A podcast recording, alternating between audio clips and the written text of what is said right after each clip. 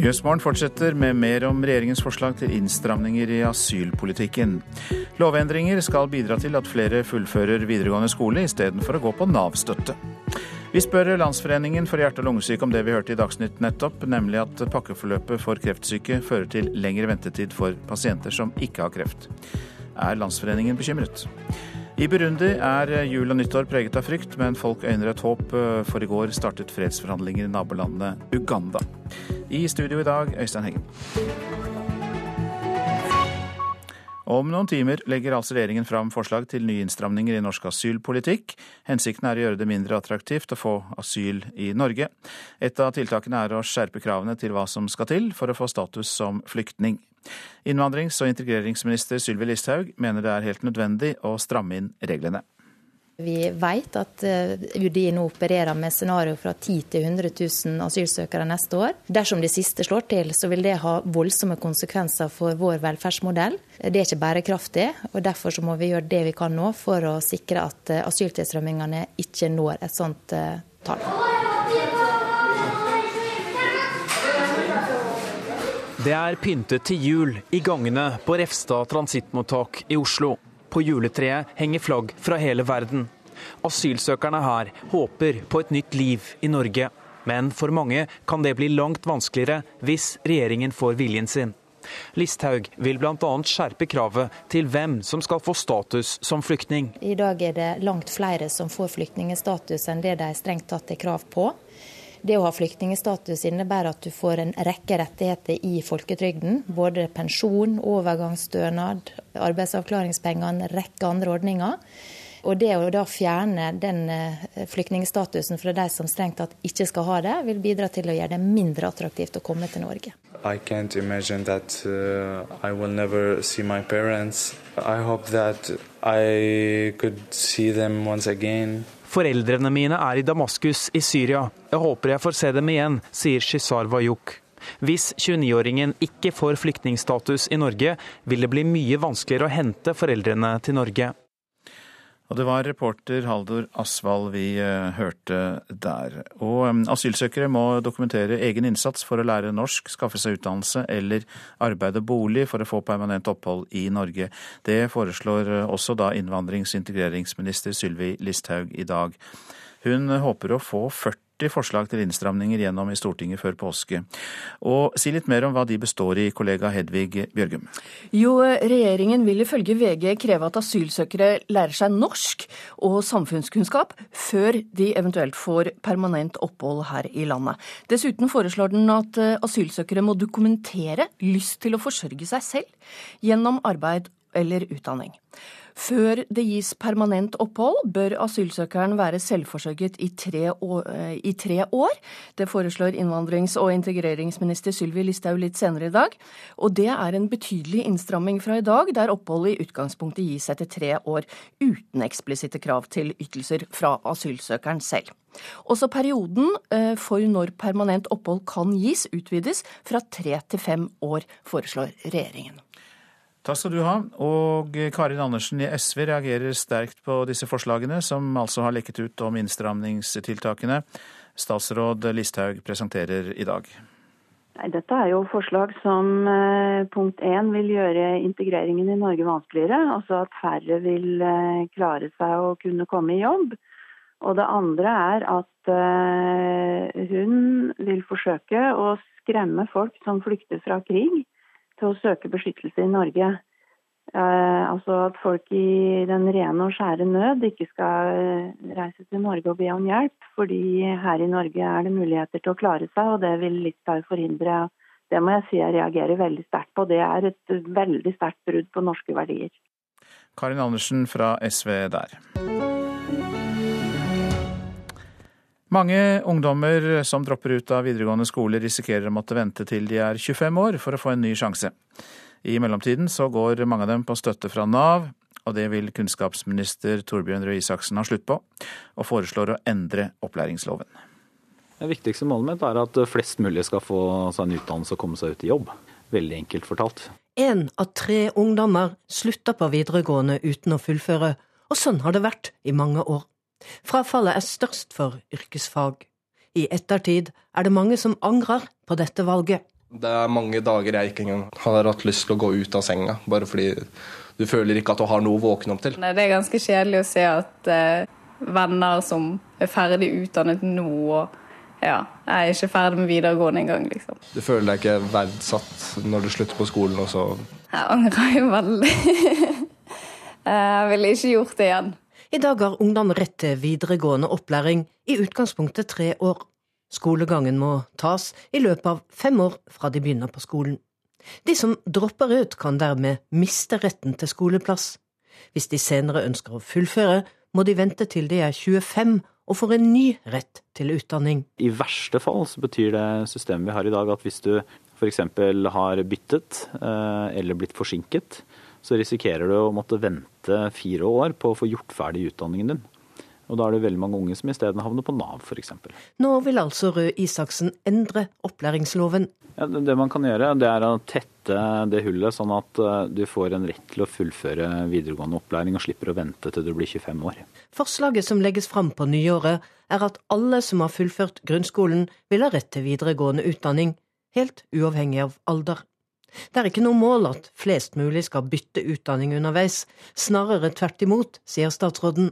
Men det er et mål at man ikke skal ha unødige barrierer som gjør at hvis man først har valgt å slutte, og noen år seinere kommer på bedre tanker, så skal man få en sjanse til raskt å bli ferdig med utdannelsen sin, istedenfor å måtte f.eks. gå på Nav. Kunnskapsminister Torbjørn Røe Isaksen til reporter Katrin Hellesnes. Og Kristoffer Hansen, velkommen til deg. Takk. Du er leder i Elevorganisasjonen, og hva mener du om dette forslaget?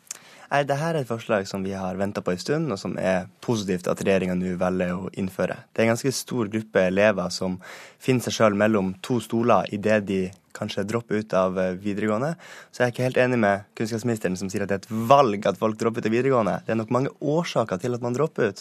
Og det er ofte system, et system som har svikta ungdommen, som gjør at man dropper ut. Og da er det veldig urettferdig at man blir gående i årevis for å vente på at en voksenrett skal treffe inn. Derfor er det bra at dette kommer på plass nå. Altså at man må sitte og vente på denne voksenretten etter 25, og så kan man få muligheten før. Mm.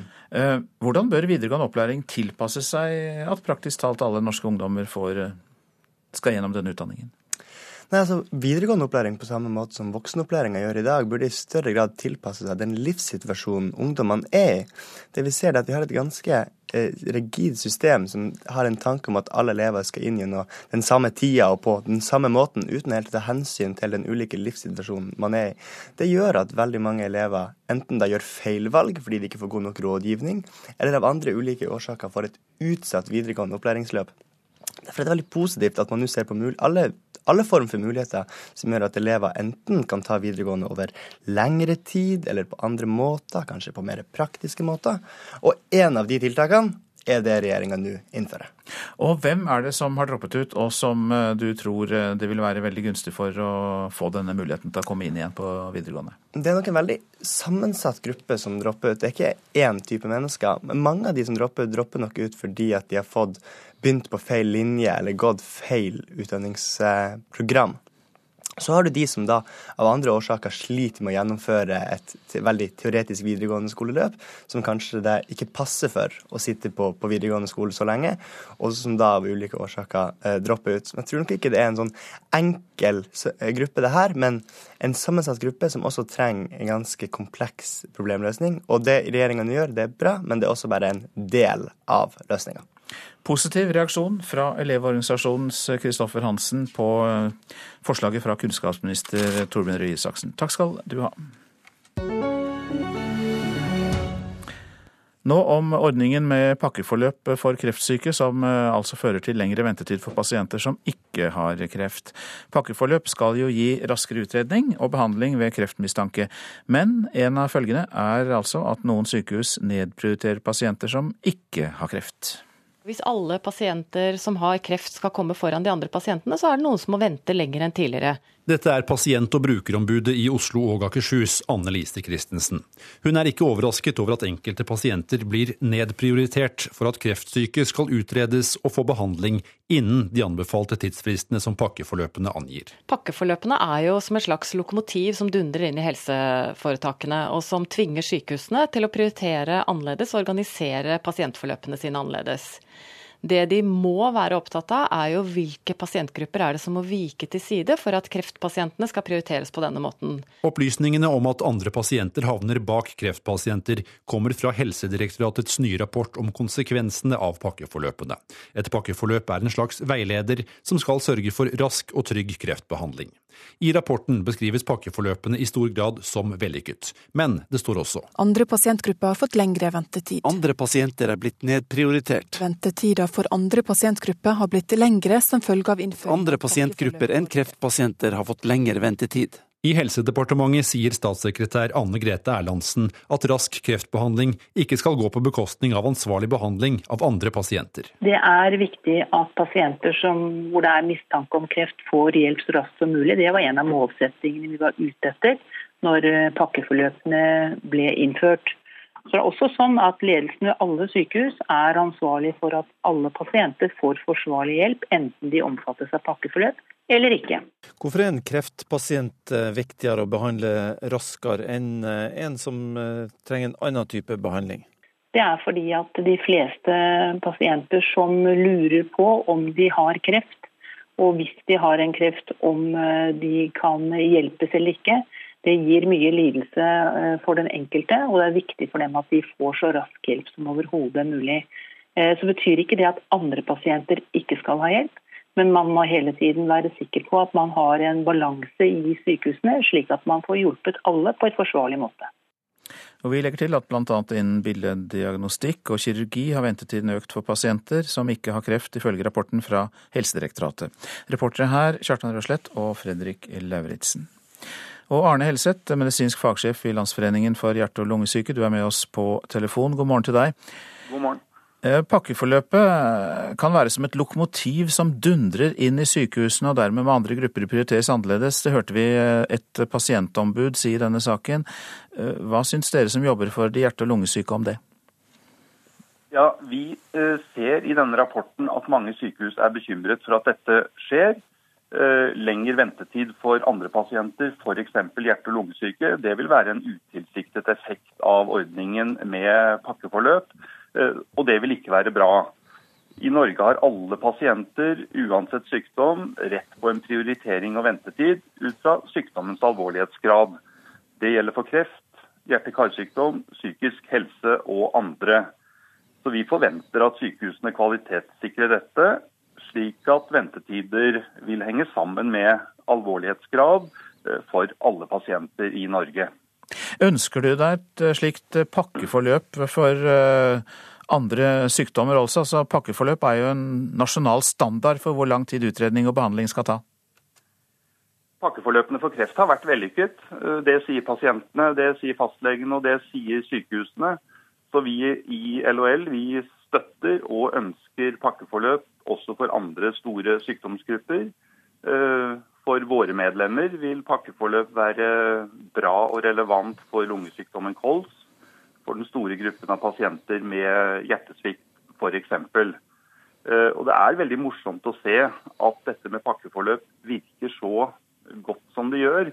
Og det skyldes jo egentlig at eh, pakkeforløpene er eh, gode, kjente virkemidler i ledelse satt i system.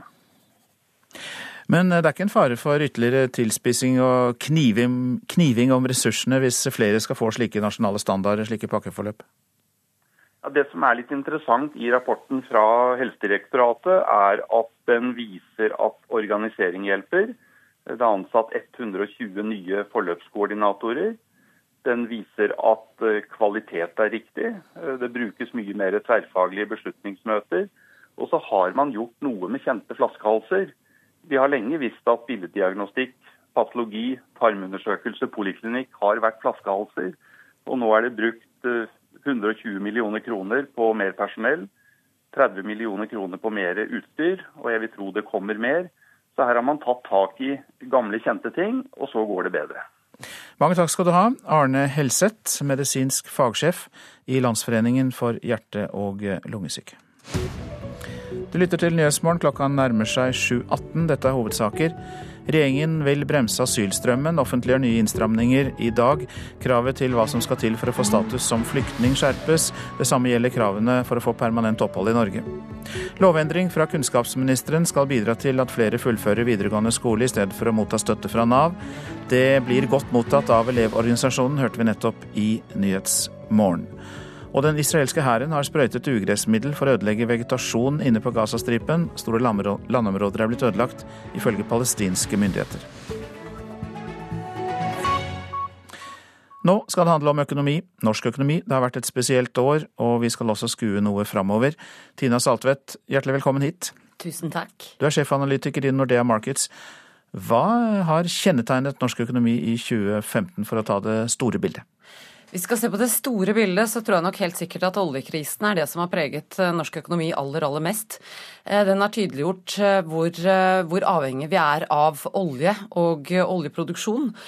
Den viser også en, en todeling i norsk økonomi. At fremdeles så er det den oljerike delen av, av, Norge som har blitt mest rammet, mens andre deler faktisk går ganske bra. F.eks. fiskeri. Så, så det tror jeg er nok de store trekkene som vi har sett. Vil du karakterisere noe av det som har skjedd i andre sektorer som oppturer og positive og framtidsrettet? Ja, altså det, det, denne oljenedturen egentlig tydeliggjør, det er jo at vi trenger flere ben å stå på enn bare olje. Vi har jo blitt mer og mer oljeavhengig de siste ti årene. Eh, nå får vi jo, altså med at det er såpass mange som egentlig har fått oppsigelser i oljebransjen, så gir jo det rom for å, å tenke nytt. Eh, mange blir tvunget til å tenke nytt, men det gjør også at en del ressurser kan brukes innen andre områder. Og eh, med et, altså vi har jo vært inne i det store klimaåret i tillegg, så gjør jo det at vi ser at disse ressursene ressursene kan bidra til å skape nye muligheter. Eh, blant annet så er jo Norge veldig tungt også på, på hav, fiskeri, havbruk f.eks. Og det er jo en av sektorene som har gått veldig bra i år. Eh, fallet i oljeprisen har jo gitt en veldig svak krone, og en svak krone gjør jo at vi blir mer eh, konkurransedyktige ute, og det har fiskeribransjen merket. Så de er jo en av de som virkelig har vist vekst. Men så er vi også gode på å produsere grønn og ren energi, og blant annet så er jo dette med vindkraft eh, viktig. Der ser vi at vi kan bruke en del av de kunnskapene vi bygget opp eh, innen oljesektoren, faktisk f.eks. til å lage flytende havvindmøller. Eh, sånn at vi kan bruke mye av den kunnskapen vi har. og Det har vi nå også rom for nå, for nå frigjøres det en del, en del kompetanse. Og så kan vi da bygge opp nye næringer som vi trenger for å ha vekst også fremover. Men hvis oljeprisen skulle stige igjen, Kommer vi til å slappe av igjen da, og legge hodet ned på puta? Jeg tror faktisk at vi har kommet til et sånt tidspunkt at vi ser at det kan vi ikke. Eh, fordi vi skal jo huske på at faktisk så har jo oljeproduksjon falt siden 2001. Det er jo 14 år. Eh, vi har jo hatt superflaks fordi at oljeprisen i den perioden har steget frem til i fjor. Eh, og nå tror jeg virkelig at vi ser at dette, altså den flaksen, den vil jo ikke vare evig. Sånn at vi trenger nå flere ben å stå på, og det er jo det vi jobber veldig hardt med nå, denne omstillingen. Og det er jo nettopp det som altså For det første har vi jo fått fart på denne omstillingen, fordi at vi blir tvunget til å gjøre det. Men på den annen side så, så, gjør jo da disse ledige ressursene gjør jo det mulig å tenke nytt. Og det gjør man. Det er jo ikke første gang vi omstiller oss. Og, og vi har jo vært tidligere en sjøfartsnasjon. Eh, mye av det, sjøfartsflåten har jo gått inn til å, å, å supportere bl.a. oljeindustrien. Så vi ser at dette er noe vi kan. Vi har gjort det før. Og det gjør også at det skapes mange nye og spennende muligheter. Til slutt skal vi ikke glemme arbeidsmarkedet. Avslutningsvis, blir det høyere ledighet? Ja, noe høyere ledighet. Det tror jeg vi må vente og se neste år. Vi er ikke ferdig med den oljekrisen vi er inne i. Oljeselskapene går inn i 2016 med full brems. Og det gjør at med de lave oljeprisene vi ser nå, kommer det nok sannsynligvis til å bli det. Ja. Mange takk skal du ha. Sjefanalytiker i Nordea Markets, eh, Tina Saltvedt. Nå om at Utenriksdepartementet bevilger 180 millioner kroner til flere humanitære kriser rundt i verden. Det er bra, men ikke nok, sier Flyktninghjelpen. 10 millioner av pengene fra UD går til sultrammede i Etiopia. Men det meste av disse pengene skal brukes på syriske flyktninger i nærområdene og på barn og unge på flukt. Det sier utenriksminister Børge Brende. På tampen av året er det store udekka humanitære behov, ikke minst i Syria og Syria i nabolandene. Så en god del av de 180 millionene går til dette området. Dette er bra, og det er fint at vi nå på en av årets siste dager legger mer i potten til nødhjelpen der ute i verden hvor behovene er så store. Det sier seniorrådgiver Pål Nesse i Flyktninghjelpen.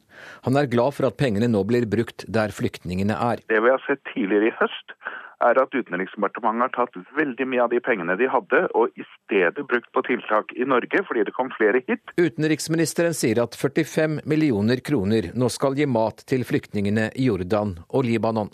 Ikke minst så er det nærmest en katastrofe når eh, FNs matvareprogram må redusere matrasjonene til 360 000 syriske flyktninger i Jordan og Libanon. Og vi prøver å bidra slik at Eh, med 45 millioner eh, kroner, slik at dette dekkes opp. Og også til utdanning for eh, syriske flyktningebarn i Libanon. Bra, men ikke bra nok, sier Nesse i Flyktninghjelpen om pengene som regjeringen nå bidrar med. Det er klart, alt hjelper, men det er altfor lite, og det er for sent. Reporter her, Hans Jørgen Solli. Så til det avisene er opptatt av. Finansminister Siv Jensen mener at mye av grumset som kommer fram i kommentarfeltene på sosiale medier, er et uttrykk for legitim frykt og uro. Til Dagbladet sier Jensen at det er bedre at det er en debatt om innvandring, enn at dette ikke kommer fram i det hele tatt. Oslo sykehus leier lokaler for 200 millioner kroner i året, mens egne lokaler står tomme og forfaller. Det er oppslaget i Aftenposten. 45 000 kvadratmeter står ubrukt. Ifølge direktør Geir Teigstad ved Oslo sykehusdrift så er mye av bygningsmassen de sitter på uegnet for moderne sykehusdrift. Røde tall for grønne partier er oppslaget i VG. Oppslutningen om SV, Venstre og Miljøpartiet stuper på avisas nye meningsmåling, mens Høyre er gallupens vinner. De aller fleste eksperter tror oljeprisen skal opp fra dagens nivå, men ikke BI-professor Øystein Noreng, skriver Finansavisen. Noreng fikk rett i sine spådommer for året som gikk, og spår at snittprisen for 2016 vil holde seg så lav som 38 dollar per fat. Vi er blitt helt bevisstløse når det gjelder egen økonomi, sier forbrukerøkonom Silje Sandmæl til Nasjonen. Kun én av ti av oss tror vi får dårligere økonomi, og vi er optimister til tross for nedgangstider og finanskrise. Men Positive forbrukere kan jo også hindre en finanskrise, sier eh, Sandmæl. Bergenserne er lei av fordelene for elbilene, får vi vite i Bergensavisen. Over halvparten av de spurte i en meningsmåling vil kutte i godene for elbiler der i byen. Nesten ingen eh, av de filmene som tilbys på strømmetjenester som Netflix og Viaplay og Kanal Digital er norske, skriver Klassekampen. Bare 67 stykker av de mange tusen filmene er norske. En meningsmåling avisa Dagen har gjort, gjelder livet etter døden. Landets befolkning er delt i tre omtrent like store deler. Et flertall på 37% tror ikke på det. Drøyt 32% tror på et liv etter dette, mens vet ikke-gruppa er stor, i underkant av 30 I det sentralafrikanske landet Burundi har det vært uro siden april, da presidenten kunngjorde at han ville stille for en tredje periode i strid med grunnloven. Men eh, mange øyner nå et lite håp, for i går startet fredsforhandlinger i nabolandet Uganda.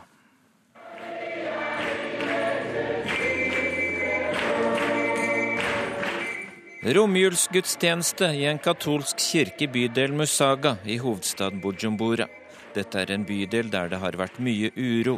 I kirken finner innbyggerne trøst i en vanskelig tid. En som har oppsøkt kirken, er Blaze Barampama, en ung mann i mørk dress. Han sier at landet er inne i en skjebnetid.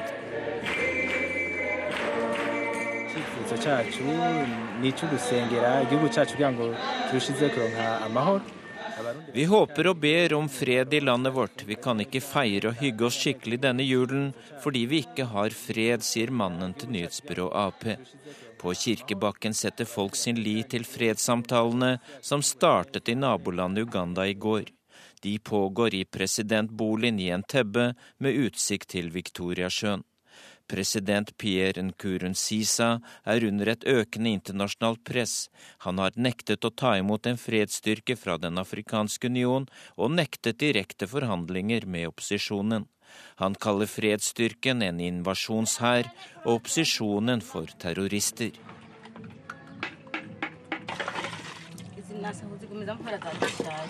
Tilbake i bydel Musaga i Burundi. Ute under åpen himmel lager en kvinne i blå blomstrede kjole et romjulsmåltid, men i år har hun mindre mat å tilby de inviterte enn tidligere år. Mange har det økonomisk vanskelig i dagens Burundi. Madeleine Nakimana forteller at mange hun kjenner har flyktet de siste månedene. De frykter for livene sine.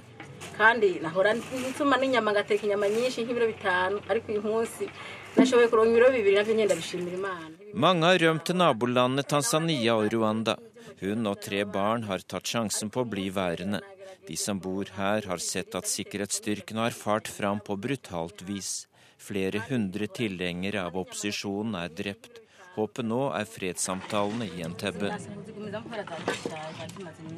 Uroen i Burundi startet i april da presidenten kunngjorde at han ville stille for en tredje presidentperiode, noe som strider mot grunnloven. Det utløste en rekke demonstrasjoner mot presidenten, som har svart med å gi sikkerhetsstyrkene frie tøyler i jakten på sine politiske motstandere. Nabolandene frykter at uroen skal utvikle seg til full borgerkrig. Skrekkscenarioet er en utvikling som i verste fall kan komme til å minne om folkemordet i nabolandet Rwanda i 1994. Sa reporter Dag Bredvei. Du lytter til Nyhetsmorgen. Produsent i dag, Jan Erik Bjørnskaug. Her i studio, Øystein Heggen. I reportasjen etter Dagsnytt skal vi møte kirketjeneren i den eldste kirken på Gazastripen. Vi får bl.a. høre at Midtøsten litt etter litt tømmes for kristne. I Politisk kvarter møtes SV-leder Audun Lysbakken og Miljøpartiet De Grønnes talsmann og stortingsrepresentant Rasmus Hansson.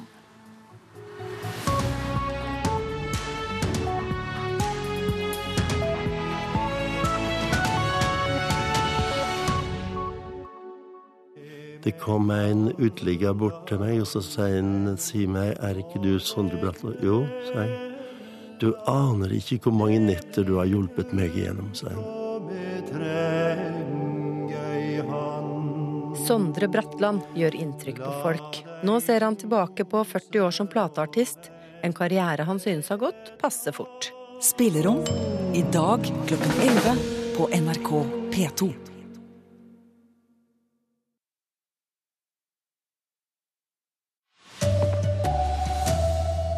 Regjeringen vil gjøre det vanskeligere å få status som flyktning.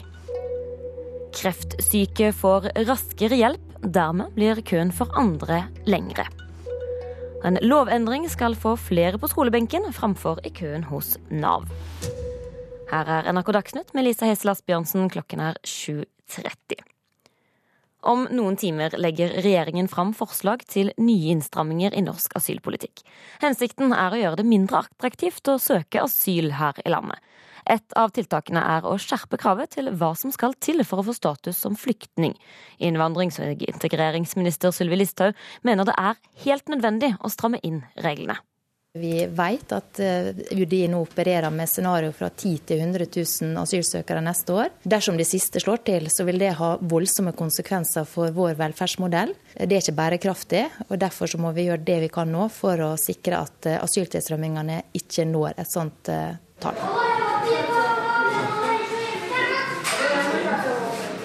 Det er pyntet til jul i gangene på Refstad transittmottak i Oslo. Asylsøkerne her håper på et nytt liv i Norge. Men for mange kan det bli langt vanskeligere hvis regjeringen får viljen sin. Listhaug vil bl.a. skjerpe kravet til hvem som skal få status som flyktning. Det å ha flyktningstatus innebærer at du får en rekke rettigheter i folketrygden. Både pensjon, overgangsstønad, arbeidsavklaringspenger, en rekke andre ordninger.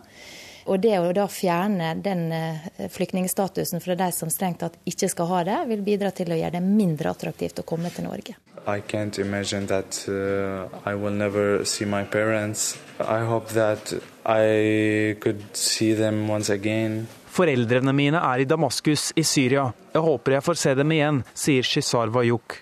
Hvis 29-åringen ikke får flyktningstatus i Norge, vil det bli mye vanskeligere å hente foreldrene til Norge. Reportere her var Haldor Asvald, Hedvig Bjørgum og Oda Midbø. Regjeringens 40 forslag til innstramminger i asylpolitikken møter motstand både fra støttepartiene og fra opposisjonen. SVs Karin Andersen kaller dem en skam. Nei, Det ene er jo at Norge blir en del av den triste familien som prøver bare å skyve ansvaret for flyktningkatastrofen over på andre, og ikke vil verken bidra nok i nærområdene eller bidra til å ta imot flyktningene. Og det andre er jo at det blir økende fattigdom i Norge. Andersen har fått se noen av de 40 forslagene som blir presentert i ettermiddag. Ifølge VG vil regjeringen og minister Listhaug kreve at asylsøkere lærer seg norsk og samfunnskunnskap før de får permanent opphold i landet. Asylsøkere må dokumentere lyst til å forsørge seg selv gjennom arbeid eller utdanning, og før de gis permanent opphold, bør asylsøkeren være selvforsørget i tre år. Andersen i SV mener nå at partiene i asylavtalen på Stortinget må våkne. Regjeringa hadde en skandaløst sein og dårlig håndtering. De hadde ingen beredskap, som gjorde at det oppsto eh, kaos når det kom mange flyktninger. Og i det kaoset så lot de seg skremme til å være med på innstrammingsforslag som vil ødelegge integreringen. Og det mener jeg, Nå må de våkne opp og så må de gå gjennom dette på nytt igjen. Og så må de sette foten ned for forslag som vil skade både flyktningene og Norge. Reporter her var Simon Skjelbostad Yseth.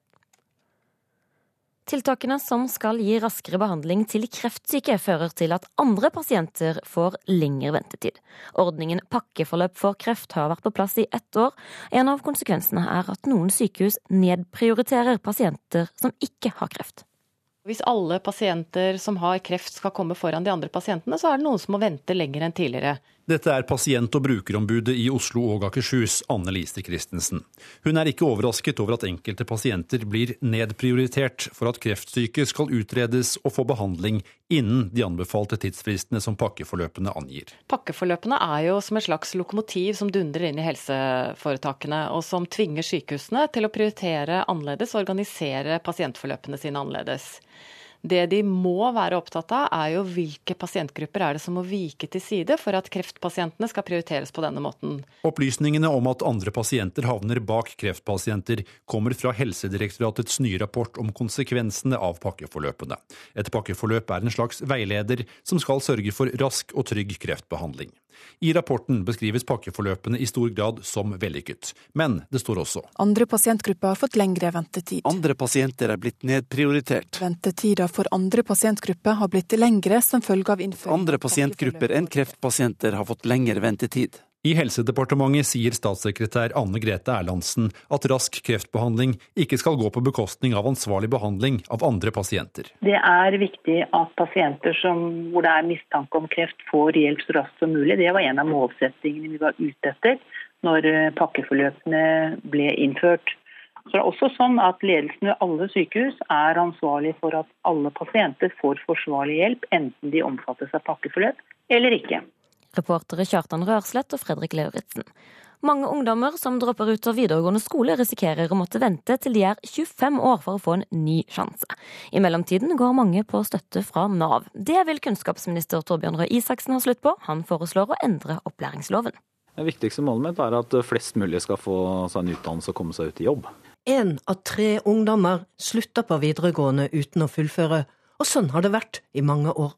I ettertid er det mange som angrer på dette valget. Det er ganske kjedelig å se at eh, venner som er ferdig utdannet nå, og er ikke ferdig med videregående engang. Liksom. Du føler deg ikke verdsatt når du slutter på skolen, og så Jeg angrer jo veldig. I dag har ungdom rett til videregående opplæring, i utgangspunktet tre år. Skolegangen må tas i løpet av fem år fra de begynner på skolen. De som dropper ut, kan dermed miste retten til skoleplass.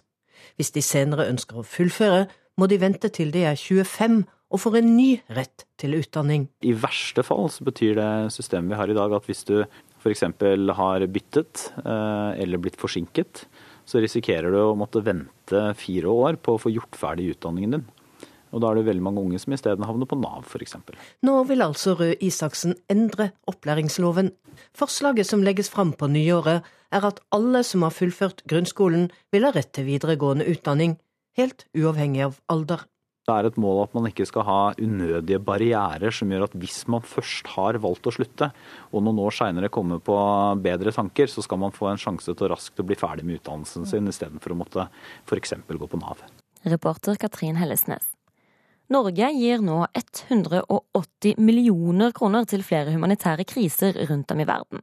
Pengene skal bl.a. gå til syriske flyktninger i deres nærområder og de mange millioner sultrammede i Etiopia, sier utenriksminister Børge Brende.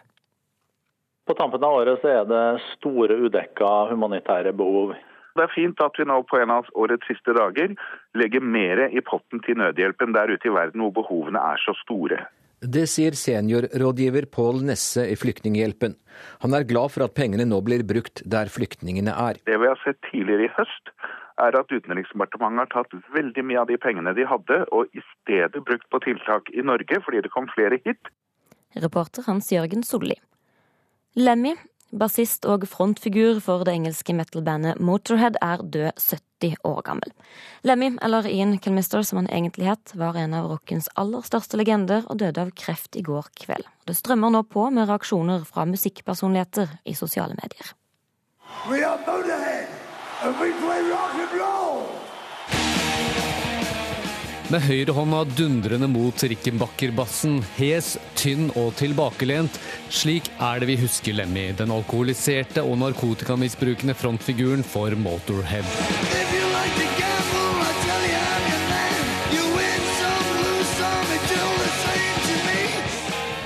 Det er bare fire uker siden Lemmy sto på scenen i Oslo Spektrum.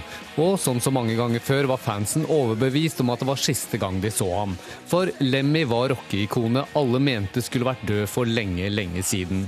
Han la aldri skjul på det harde livet med piller og alkohol, og i et gammelt intervju med NRK P3 sier han rett ut at han ble en bedre person av å bruke LSD og amfetamin. I said that it made me a better person. But if you think you can do without drugs, go ahead and do without them, you know, because it's a very expensive hobby.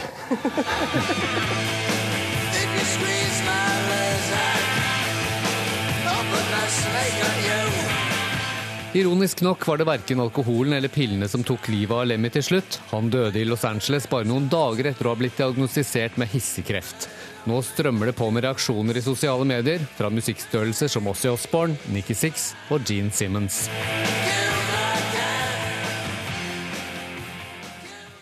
Reporter her var eh, Petter Sommer.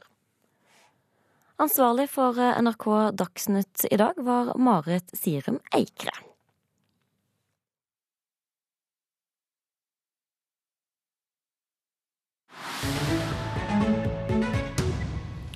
Du lytter til eh, Nyhetsmorgen.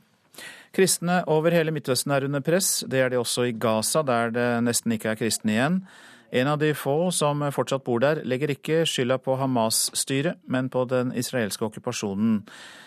Og Midtøsten-korrespondent Sigurd Falkenberg Mikkelsen har møtt eh, kirketjeneren i den eldste kirken i Gaza.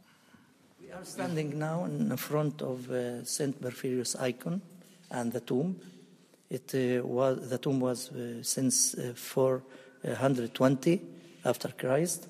And we see here the tomb itself, but the body is not inside because it has been taken. Jeg treffer Jebber Gilda i Sankt Porfyros-kirken, oppkalt etter dens grunnlegger.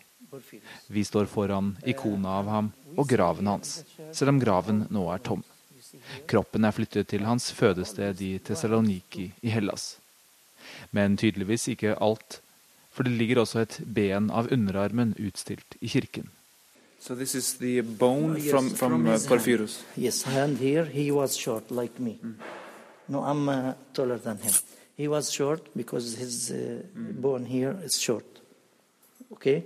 And we have here the uh, Du kan se at han var en lav mann. Jeg må ha vært høyere enn ham, forklarer Gilda foran relikviet av helgenen. uh. Sankt Porfyros var mannen som kristnet Gaza på slutten av det fjerde århundret etter Kristus. Det var en hard kamp. Gaza var kjent som et sted som var fiendtlig innstilt til kristendommen, og dyrkingen av andre guder sto sterkt. Det var ikke mange hundre årene Gaza-innbyggerne hadde kristendommen som eneste monoteistiske religion. Et par hundre år etterpå gjorde islam sitt inntog og dominerer som kjent den dag i dag. Sankt Porfyros var da en av to store kirker i området. Den andre ble gjort om til moské. Ifølge Gilda ble den gitt bort til muslimene, slik at de også skulle ha et sted å be. I dag, av en befolkning på rundt 1,8 millioner mennesker, er det bare en ørliten gruppe kristne igjen her. Og de blir færre. Also, many Christians are leaving Gaza now. leaving because not because of uh, Hamas is uh, controlling Gaza, but because they don't find future here for them. They finish uh, universities, and when they don't see any place to work, they go outside to work and to build their future. So, how many Christians are left now in Gaza? We are about 1,300 persons in Gaza only. Gilda sier altså at folk drar fordi det ikke er noen framtid her, fordi folk går ut fra universitetet uten jobb, og da velger mange å dra for å etablere sine liv andre steder.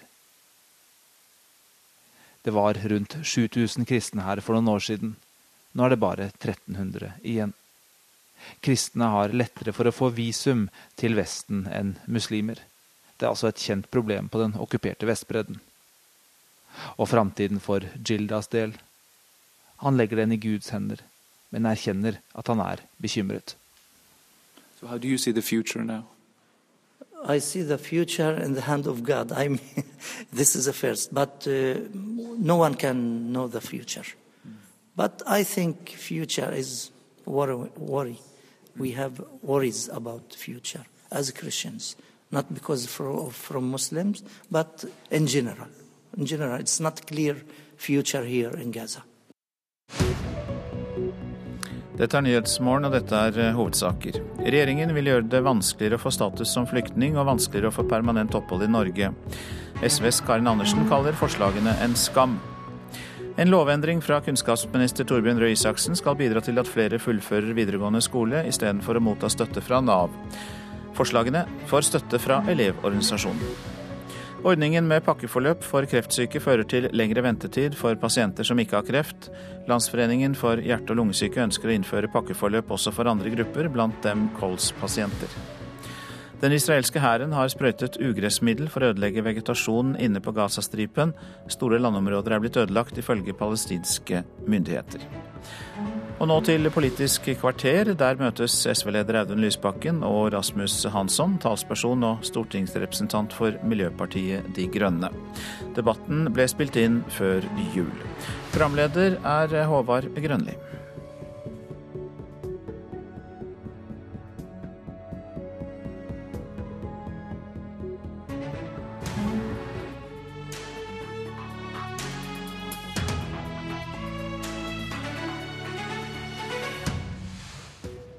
Stortingets to grønne miniparti bytter på å utfordre hverandre og å stå sammen. Står de i veien for hverandre? Velkommen til Politisk kvarters juleduell, Audun Lysbakken og Rasmus Hansson. Takk. takk, takk. Framfor valget i høst var det mye snakk om forholdet mellom Sosialistisk Venstreparti og Miljøpartiet De Grønne. Spenningsmomentet var i stor grad knytta til om de to partiene ville ødelegge for hverandre. Og Lysbakken, hvor nervøs var du for at MDG skulle ta kritisk mange av SV sine velgere? Jeg er opptatt av at flest mulig skal stemme SV. Det vi vet om eh, våre konkurrenter, er at vi konkurrerer litt med De grønne, men eh, mye mer med Arbeiderpartiet om eh, stemmer. Og ikke minst så slåss vi med sofaen. Så SV kan hente velgere ulike steder. Det betyr selvfølgelig at vi er opptatt av å få fram forskjellene mellom oss og våre konkurrenter. Men det vi er mest opptatt av, er jo å eh, gå i debatt med de som er våre motstandere. Og det er verken De Grønne eller Arbeiderpartiet, men høyresiden i, i norsk politikk. Hansson, SV kom jo da til slutt over den symbolsk viktige i denne sammenheng 4 %-grensa, mens eh, MDG fikk det nasjonale gjennombruddet som alle hadde spådd. Er da lærdommen etter eh, høstens valg at de som har prata om å slå sammen partiene, har tatt feil, og at det er plass til begge? Eh, ja, eh, det har vi vært klare på hele tiden. Altså, noen sammenslåingsplaner er ikke det som eh, Miljøpartiet De Grønne går til valg på. Vi går til valg på å innføre en ny dimensjon i norsk politikk. Hvor vi er helt klare på at miljø- og klimaspørsmål må være rammen for annen politikk. Eh, og at grønn politikk er det som står helt klart øverst på vår agenda. For Lysbakken her er det viktig å være definert også som et rødt parti. Mm. Som da ikke er viktig for deg. Eh, hvorfor er det begrensende, mener du, da, å være et tydelig ideologisk plassert eh, parti på den tradisjonelle høyre-venstre-aksen som Lysbakken sitt parti er? Både i venstresideideologiene og i høyresideideologiene så er det mye bra stoff som vi ønsker å, å, bruke. Vi er eh, opptatt av å føre en sosial politikk, men vi er også opptatt av å føre en liberal politikk. Eh, og eh, samtidig så ser vi at de røde ideologiene, for å bruke det begrepet, og de blå ideologiene har det til felles at ingen av dem som ideologier har noen gode svar på vår tids overordnede miljø- og klima- og ressursutfordring. Den, det fokuset det må bringes mye sterkere inn i norsk politikk. Og i det perspektivet så mener vi at eh, både eh, konservatismen og liberalismen og sosialismen kommer til kort. Jeg er faktisk enig med Hansson i at uh, venstresidens røde ideologi i seg sjøl er ikke svaret godt nok. og Det er derfor SV er så tydelig på at vi er et rød-grønt parti. Ikke i betydning en del av den forrige regjeringen, men et parti som er både rødt og grønt. Eh, men jeg mener jo eh, på samme måte at det blir for snevert å bare definere seg som grønt. Rett og slett fordi konfliktene mellom høyre- og venstresiden er for viktige for folk, og de er til og med for viktige for om vi greier å løse miljøproblemene eller ikke. Mm. Spørsmål om fordelingspolitikk, om hva slags skole vi skal ha, likestillings- likestillings- og familiepolitikk er ufattelig viktig for folk sine liv. Og Derfor er det utenkelig for SV å si at hvis vi bare får gjennomslag for en god miljøpolitikk, så kan vi støtte høyresiden på alt dette andre. Vi er opptatt av å se sammenhengen mellom miljøkampen og kampen for eh, et eh, samfunn med mer rettferdig fordeling, f.eks. For og jeg tror faktisk det er en sammenheng mellom vår evne til å løse miljøproblemene og eh, om vi har små forskjeller, om vi har styring over markedet. Høyresidens politikk for markedsliberalisme og store forskjeller kommer til også å umuliggjøre overgangen til det miljøvennlige samfunnet som både Rasmus og jeg vil ha. Hansson, alle velgere etterspør jo løsninger på flere felt, f.eks. heimehjelp, hvordan Nav fungerer, barnehageplass til barna, kvalitet på sykehuset. Må ikke dere bredde ut og ikke si at miljø trumfer alt? Snart? Jo, men altså, Enhver som har tatt seg bryet med å lese vårt program, uh, ser jo at vi er et parti som har et program uh, for hele det politiske spekteret, og vi uh, jobber videre med å utvikle det programmet. Men vi ser Fordi, også hva dere bruker makta deres ja, på? Ja, selvfølgelig ser vi det. Så lenge vi har én representant på Stortinget, så må vi konsentrere oss om det som er vårt hovedbudskap. Men også men i kommunene ingen, der dere ingen, har fått posisjoner? Ja, men i de kommunene hvor vi har fått posisjon, tydeligst sånn som i Oslo og Trondheim, så er jo vi med på brede forlik som har politikk for hele, uh, hele politikkfeltet. Og vi er selvfølgelig fullstendig uenige med ethvert parti som antyder at vi har en politikk som er dårligere for solidaritet og for uh, sosial utvikling og for menneskelig velferd enn det andre har. Og så er vi ikke alltid enig i SVs uh, måter å løse det på, men det betyr på ingen måte at vi ikke er opptatt av det, men vi har våre egne tanker om hva som er en gode forutsetninger for å lage et velferdssamfunn for framtida i Norge. Lysbakken, viser ikke MDGs eh, posisjoner og framtreden etter lokalvalget at strategien kan være smart? De manøvrerer seg til vippeposisjon flere plasser, og de bruker den til å få gjennomslag på den ene saka som er aller viktigst for dem. Altså, Vi er stort sett enige om klima- og miljøpolitikken. Rasmus og jeg stemmer sammen i Stortinget i det meste som har med miljø å gjøre, og det er stort sett en fornøyelse. Eh, men vi er uenige om en god del andre ting. Eh, og Det er derfor vi er forskjellige partier. Og jeg mener, eh, De Grønne kan ikke påstå både at de er like klar på rettferdig fordeling, små forskjeller, styring over markedskreftene som SV, og samtidig si at de er et blokkuavhengig parti. For i det å være et blokkuavhengig parti ligger jo nettopp at disse andre sakene er underordnet, og at man da kan gå til høyresiden i gitte situasjoner. Sånn, sånn som De Grønne har gjort i Moss og Tønsberg f.eks. etter valget i høst. Ja, og, det, og det her er jo Audun Lysbakken eh, ved, ved sakens kjerne. Altså Etter SVs og Audun Lysbakkens oppfatning så er det å tilhøre venstresida det samme som om å ha monopol på solidaritet og likhetstenking osv. Og, så og det er vi ganske enkelt uenig i. Eh, og det er vi klare på. Vi går til valg på det. Eh, og vi mener at eh, venstresidas problem i Norge er at man har for, litt for mekanistiske oppfatninger av hva det er som må til for å sikre velferdssamfunnet. Og vi er et parti som tør å si høyt at vi, eh, vi legger ikke til grunn at eh, den typen velferdsutvikling i form av mer og mer ytelser på alle felt er det som skal bringe Norge inn i en uh, god framtid. Og, og der skiller vi oss fra SV. Begrense veksten, som MDG ja, er veldig Veksten må begrenses eh, pga. Verdens ressursutvikling, og, og, det er også ganske viktig. Veksten kommer jo til å bli, bli, bli, begrenset. Det ser vi nå. Og vi må ikke fortelle mennesker i Norge at det blir en katastrofe. Vi må fortelle mennesker i Norge at dette er en utfordring som vi kan greie, men vi må tenke litt annerledes når det gjelder hvilke verdier vi skal legge til grunn. Hvor plasserer SV seg egentlig i synet på vekst nå? Altså, SV er opptatt av å skille mellom ulike typer vekst. Vi har i dag eh, et økonomisk system, eh, en kapitalisme som driver rovdrift på jordens ressurser, som fører til hemningsløs utnyttelse av de ressursene som ikke kan fornyes. Det må det bli slutt på. Men det betyr jo ikke at vi skal stoppe all økonomisk utvikling. og Derfor må vi også se forskjellen på vekst. Det er f.eks. enorm forskjell på om du har vekst i vårt private forbruk av ting, eller i vårt felles forbruk av velferd. Altså, så, du... så, økonomisk vekst i seg sjøl er ikke et miljøproblem? Altså det er f.eks. veldig bra med uh, utvikling av produktiviteten. altså Vi får mer ut av mindre. Det er bra med nye alderssentre, men det er ikke bra med nye kjøpesentre. Det er det vi er nødt til å få til. Vi kan kanskje klare en viss type vekst? Vi kan eh, klare, og vi trenger, en kvalitetsvekst i eh, samfunnene våre. Eh, men det er en vekst som må skje innenfor rammen av de ressursene og de mulighetene jorda har. Og det er en vekst som må skje innenfor rammen av at den sosiale kapitalen utvikler seg.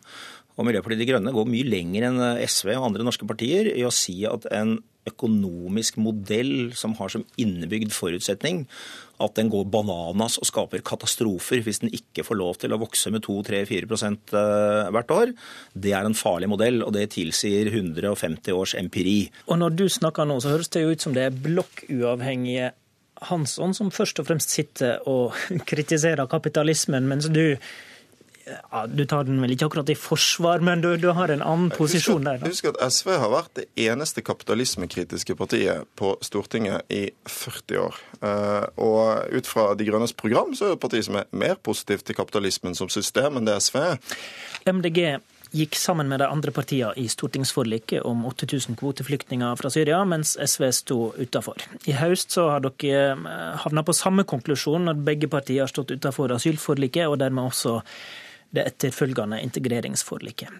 Hva er det som har vært førende for dine valg, Rasmus Hansson? Ja, altså det som er Miljøpartiet De Grønnes utgangspunkt, er at vi ønsker jo samarbeid med alle partier for å uh, skape politikk. Og Vi kommer alltid til å søke samarbeid med alle partier. Altså, det er en av fordelene ved å være et blokkuavhengig parti. at Vi har altså ikke noen, uh, noen, utgangshemninger mot å finne samarbeidspartnere på Stortinget hvis vi kan få gjennomslag for god politikk.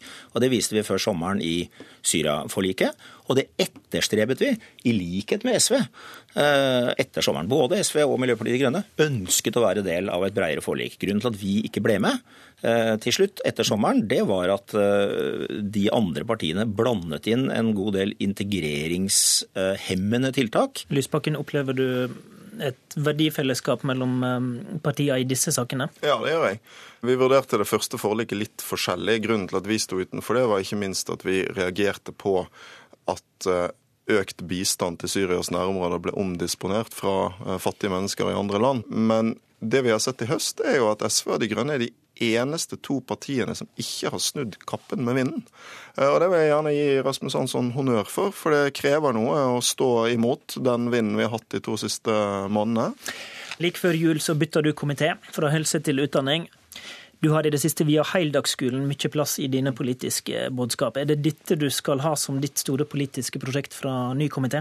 Det blir uh, vår uh, aller viktigste sak i skolepolitikken fremover. Uh, for det første skal vi ha flere lærere i norsk skole, for det er det som gir nok tid til hvert enkelt barn. Og så skal vi innføre en heldagsskole. Ikke i den betydningen at ungene skal være hele dagen på skolen, men i betydningen at vi skal bruke den tiden ungene allerede bruker på skolearbeid, på en bedre måte. Men her slår du ikke følge, Hansson? Nei, her slår vi ikke helt følge dette er et eksempel på, på forskjeller mellom Miljøpartiet De Grønne og, og SV.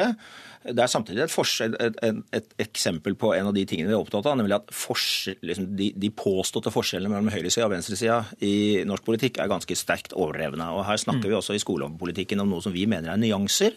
Men vi er som parti eh, på den ene siden opptatt av at vi skal ha flere lærere i norsk skole, men vi skal ha flere lærere der det trengs flere lærere. Og på samme måte så er vi ikke tilhengere av en eh, altfor eh, vidtrekkende one size fits all-politikk eh, innenfor heldagsskolen. Vi må forsøke å være såpass nyanserte at for det første, folk som har lyst til å velge en annen måte å eh, gi ungene sine en skolehverdag på, har rom for det. Mm. Og for, siden, og for det andre så må vi ha en fleksibel nok løsning til at den ikke uh, undergraver sitt eget uh, gode formål. Så når du, når du bruker ordet nyanser, da betyr det at for deg er dette ikke ideologi, egentlig? da? Nei, dette er, uh, dette er det jeg vil kalle typiske høyre-venstre-markørsaker i norsk politikk, som det gjøres veldig mye ut av i den politiske debatten, men som man i virkeligheten ser i den politiske praksis at gir ganske marginale forskjeller, og som vi mener at er en del av de kritikkverdige ved blokklandskapet i den norske politikken, fordi, at, eh, fordi at det mm. skaper dårligere samarbeidsmuligheter. enn eh, Jeg syns det Hansson uh, uh, sier nå, er noe jeg tror få foreldre og lærere vil kjenne seg igjen i. Uh, forskjellene i skolepolitikken når det gjelder synet på testregime og karakterer, heldagsskole, hvor mange lærere vi skal ha, er jo store politiske konflikttemaer i Norge som er kjempeviktige for folk sine liv, folk sine hverdager, for lærernes arbeidsvilkår. og og jeg synes Det er litt sånn, det er jo en av de tingene jeg iblant reagerer på med, med De Grønnes prosjekt. At man, man eh, er opptatt av den ene konfliktaksen som De Grønne bygger på, og så sier liksom at de andre ikke er så viktige. For veldig mange så er det vi snakker om nå, kolossalt viktig. Eh, og det er en av grunnene til at SV er et parti som definerer seg langs flere konfliktakser enn bare én. Vi er også et venstreparti. Hansson, kommer vi til å se mer eller mindre samarbeid mellom SV og MDG i året som kommer? Jeg tenker vi kommer til å se omtrent det vi ser nå. At vi kommer til å samarbeide på, på mange enkeltsaker, både innenfor miljø og andre områder. Men Miljøpartiet De Grønne kommer fortsatt til å søke uh, samarbeid innen alle saksområder. Eh, i utgangspunktet over hele den politiske fjæra. Lysbakken, mer eller mindre samarbeid i året som kommer? Jeg tror vi kommer til å se masse samarbeid uh, i de sakene der vi er veldig enige, sånn som miljøpolitikken og flyktningpolitikken. Og så kommer vi vel til å skille lag når det gjelder da, heldagsskolen, og ikke minst det som blir den kanskje aller største debatten alle fram mot 2017, og det er hva slags regjering vi skal ha, der SV kommer til å være et kompromissløst parti for regjeringsskifte, for å bli kvitt de blå, for det mener jeg Norge trenger. Da ønsker vi godt nytt år, og velkommen tilbake i Politisk kvarterstudio også i 2016.